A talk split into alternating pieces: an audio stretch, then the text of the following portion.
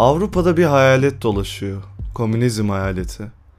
Karl Marx ve Friedrich Engels'in 1846 yılında yayınladıkları Komünist Manifesto bu sözlerle başlıyordu. Bu eser 19. ve 20. yüzyılın en güçlü politik hareketlerinden birine kaynaklık edecekti.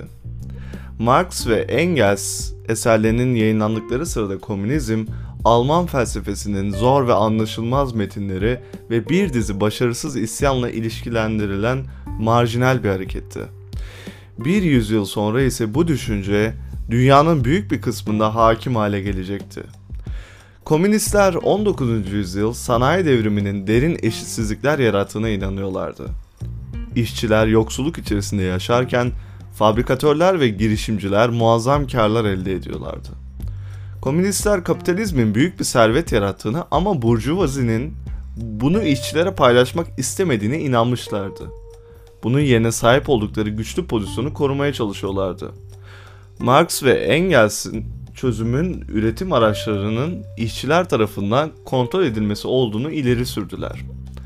Onlar kurulmasını istedikleri bu sisteme proletarya diktatörlüğü adını vermişlerdi. Burjuvazi gönüllü biçimde teslim olmayacağına göre şiddetli bir devrimin yaşanması bu idealin hayata geçebilmesi için zorunluydu. Komünistler sadece kapitalizme değil aynı zamanda emperyalizme ve dine de düşmandılar. Marx'ın gözünde din halkların afyonuydu. Karşıtların gözünde komünizm batı yaşam tarzına karşı doğrudan bir meydan okuma olarak görülmüştür. 19. yüzyıl Avrupa'sının yoksulluk koşulları ve sosyal çalkantıları nedeniyle komünizm çok sayıda taraftar buldu.